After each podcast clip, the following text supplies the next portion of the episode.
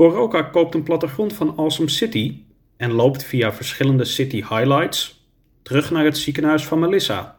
Daar aangekomen blijkt er iets niet te kloppen. Een oude man wiens been is geamputeerd helpt hem verder. Hoofdstuk 44 Een tekort aan ruimte. Met grote haast was hij aan de weg begonnen, die de man in het ziekenhuis hem gewezen had. Maar nadat hij al vlug twee keer verkeerd was gelopen, had Oroka zijn vaart geminderd. Hij zou te laat komen, dat was zeker. Melissa zou vertrokken zijn richting huis. De gedachte dat Melissa op hem zou wachten kwam niet in hem op. Hoe laat hij bij het ziekenhuis aan zou komen, was niet belangrijk meer.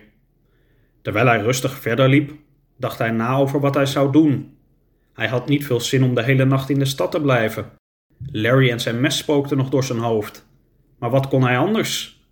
Het liefst liep hij de hele nacht door richting huis, richting de White Pony. Maar de stad was groot. Er zomaar uitlopen ging niet. En als dat wel ging, hoe wist hij dan waar hij heen liep? Hij besloot de weg richting ziekenhuis te volgen. Wat goed ging, tot hij, in een straat waar hij volgens de plattegrond doorheen moest, op een hoop drukte stuitte.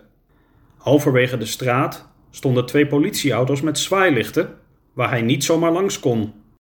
Verschillende bewoners die naar buiten waren gekomen, werden op afstand gehouden door twee agenten. Ik moet door deze straat. Dat gaat helaas niet. U zult even moeten omlopen. Oroka keek op zijn plattegrond. Wat is hier aan de hand? Daar kan ik niks over zeggen, meneer. Waarom niet? Meneer, ik verzoek u vriendelijk om weg te gaan. Oroka draaide zich om en liep terug richting het begin van de straat, waar een vrouw in een badjas nerveus voor haar woning stond te roken. Weet u wat daar aan de hand is? Ja, dat weet ik wel, ja.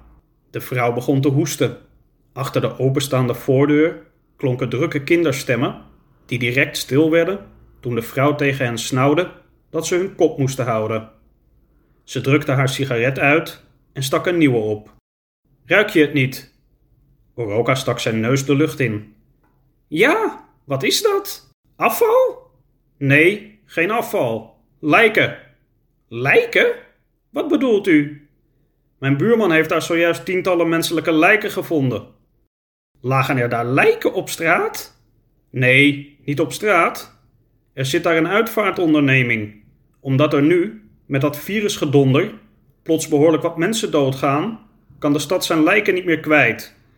De vrouw spuugde op de grond en grijnsde, alsof ze het ergens wel grappig vond. Daarbinnen was geen ruimte meer voor nog meer doden. Dus wat heeft die vent gedaan?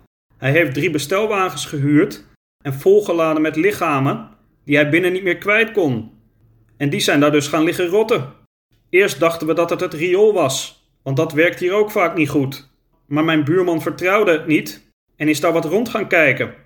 Zo ontdekte hij dat de stank uit die wagens kwam. De vrouw grijnsde opnieuw. Bij een van de wagens liep het bloed door kieren aan de onderkant naar beneden, zo de straat op. En nu?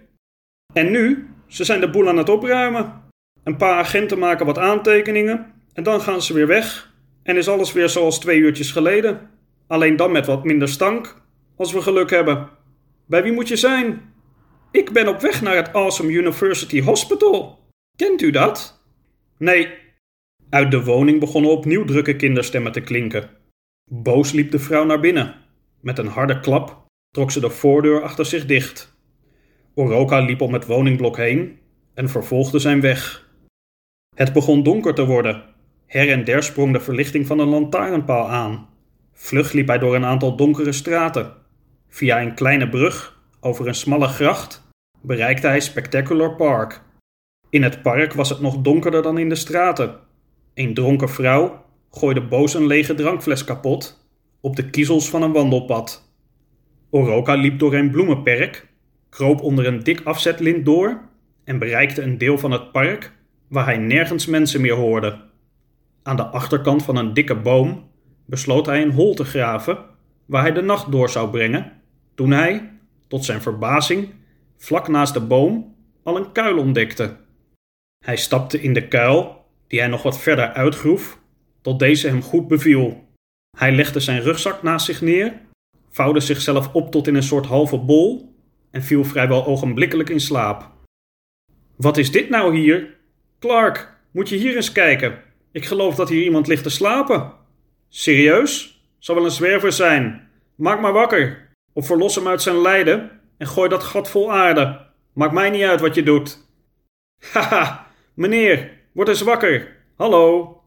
Oroka opende zijn ogen en keek in het gezicht van een man met een grote schep. Waar ben ik?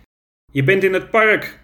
En dit is geen plek om een dutje te doen, dus kom er maar snel uit. U mag hier helemaal niet zijn.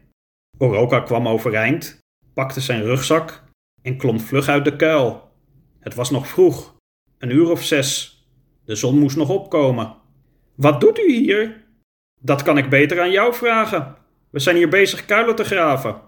Oroka zag wat hij de avond daarvoor niet had gezien, namelijk dat de kuil waarin hij had geslapen de laatste van een lange rij kuilen was. De rij maakte onderdeel uit van meerdere rijen, die samen een groot vierkant van kuilen vormden.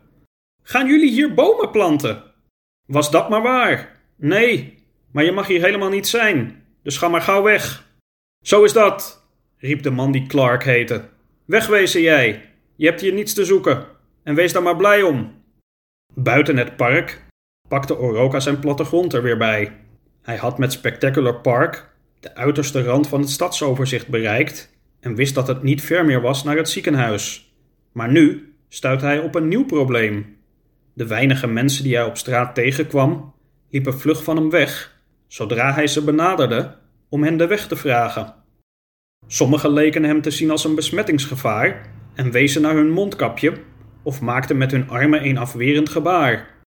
Anderen leken hem aan te zien voor een zwerver die ze sowieso liever op afstand hielden, mogelijk door de grondvlekken in zijn kleren. Met een gevoel van lichte paniek bereikte hij een van de breedste wegen die hij in de stad al was tegengekomen.